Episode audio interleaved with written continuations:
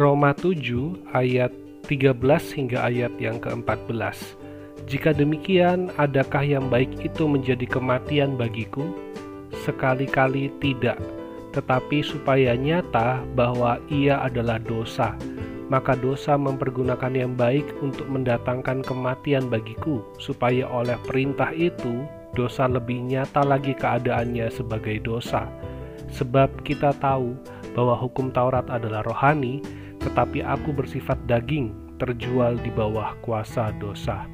Pada bagian sebelumnya, Paulus menuliskan bahwa hukum Taurat itu membawa pada kematian, bukan pada kehidupan.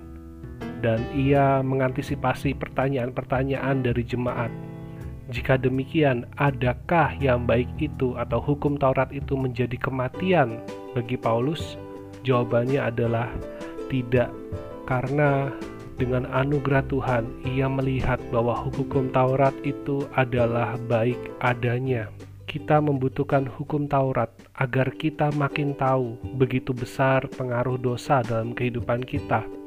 Hukum Taurat secara khusus dengan gamblang memberikan larangan-larangan yang detil agar kita tahu sejauh mana dosa itu mencemari kehidupan kita. Karena dosa itu selalu bersembunyi di dalam hati kita, di dalam keseluruhan hidup kita, di dalam pikiran dan perasaan kita. Dosa dapat membungkus dirinya dengan rapi. Seringkali kita melakukan pembenaran-pembenaran atau pembelaan-pembelaan atas kesalahan dan pelanggaran kita. Dosa dapat membungkus dirinya dengan rapi dan terlihat seakan baik-baik saja. Justru yang tidak terlihat ini sangat berbahaya. Dosa menggerogoti hidup kita dari dalam, dosa merusak dan menghancurkan kehidupan kita apabila tidak segera diselesaikan atau tidak segera diatasi. Untuk itu, kita terus memerlukan firman Tuhan.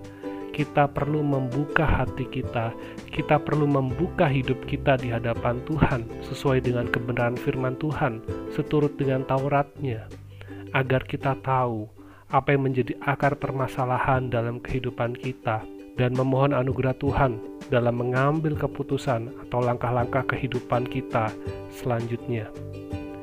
Jadi hukum Taurat menjadi satu alat pendeteksi yang sangat baik bagi kita untuk terus memeriksa akan hati kita, akan diri kita di hadapan Tuhan. Hidup seturut kehendak Tuhan ini bukan tindakan satu kali, tetapi menjadi pergumulan dan perjuangan sepanjang hidup kita.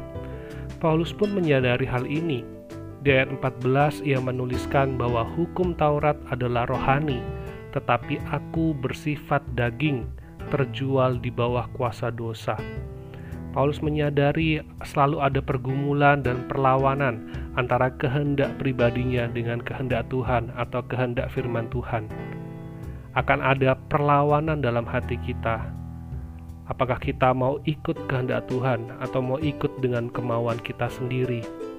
Untuk itu, kita sebagai anak-anak Tuhan, kita adalah pejuang yang setiap hari, bahkan setiap waktu, terus berjuang melawan keinginan daging kita.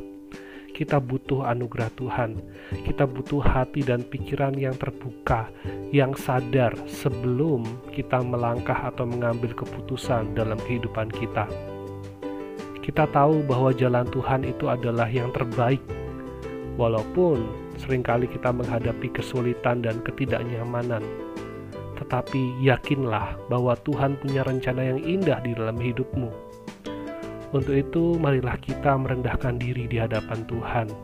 Kita mohon anugerah Tuhan agar itu menjadi kekuatan dalam kita menjalani kehidupan kita.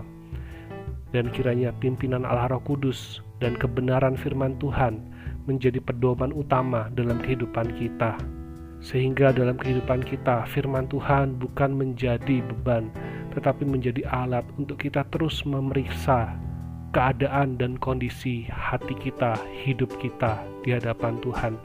Dan biarlah ini terus menolong kita, menyegarkan kita, memberikan kita kekuatan baru untuk terus berjalan dan berjuang bersama dengan Tuhan.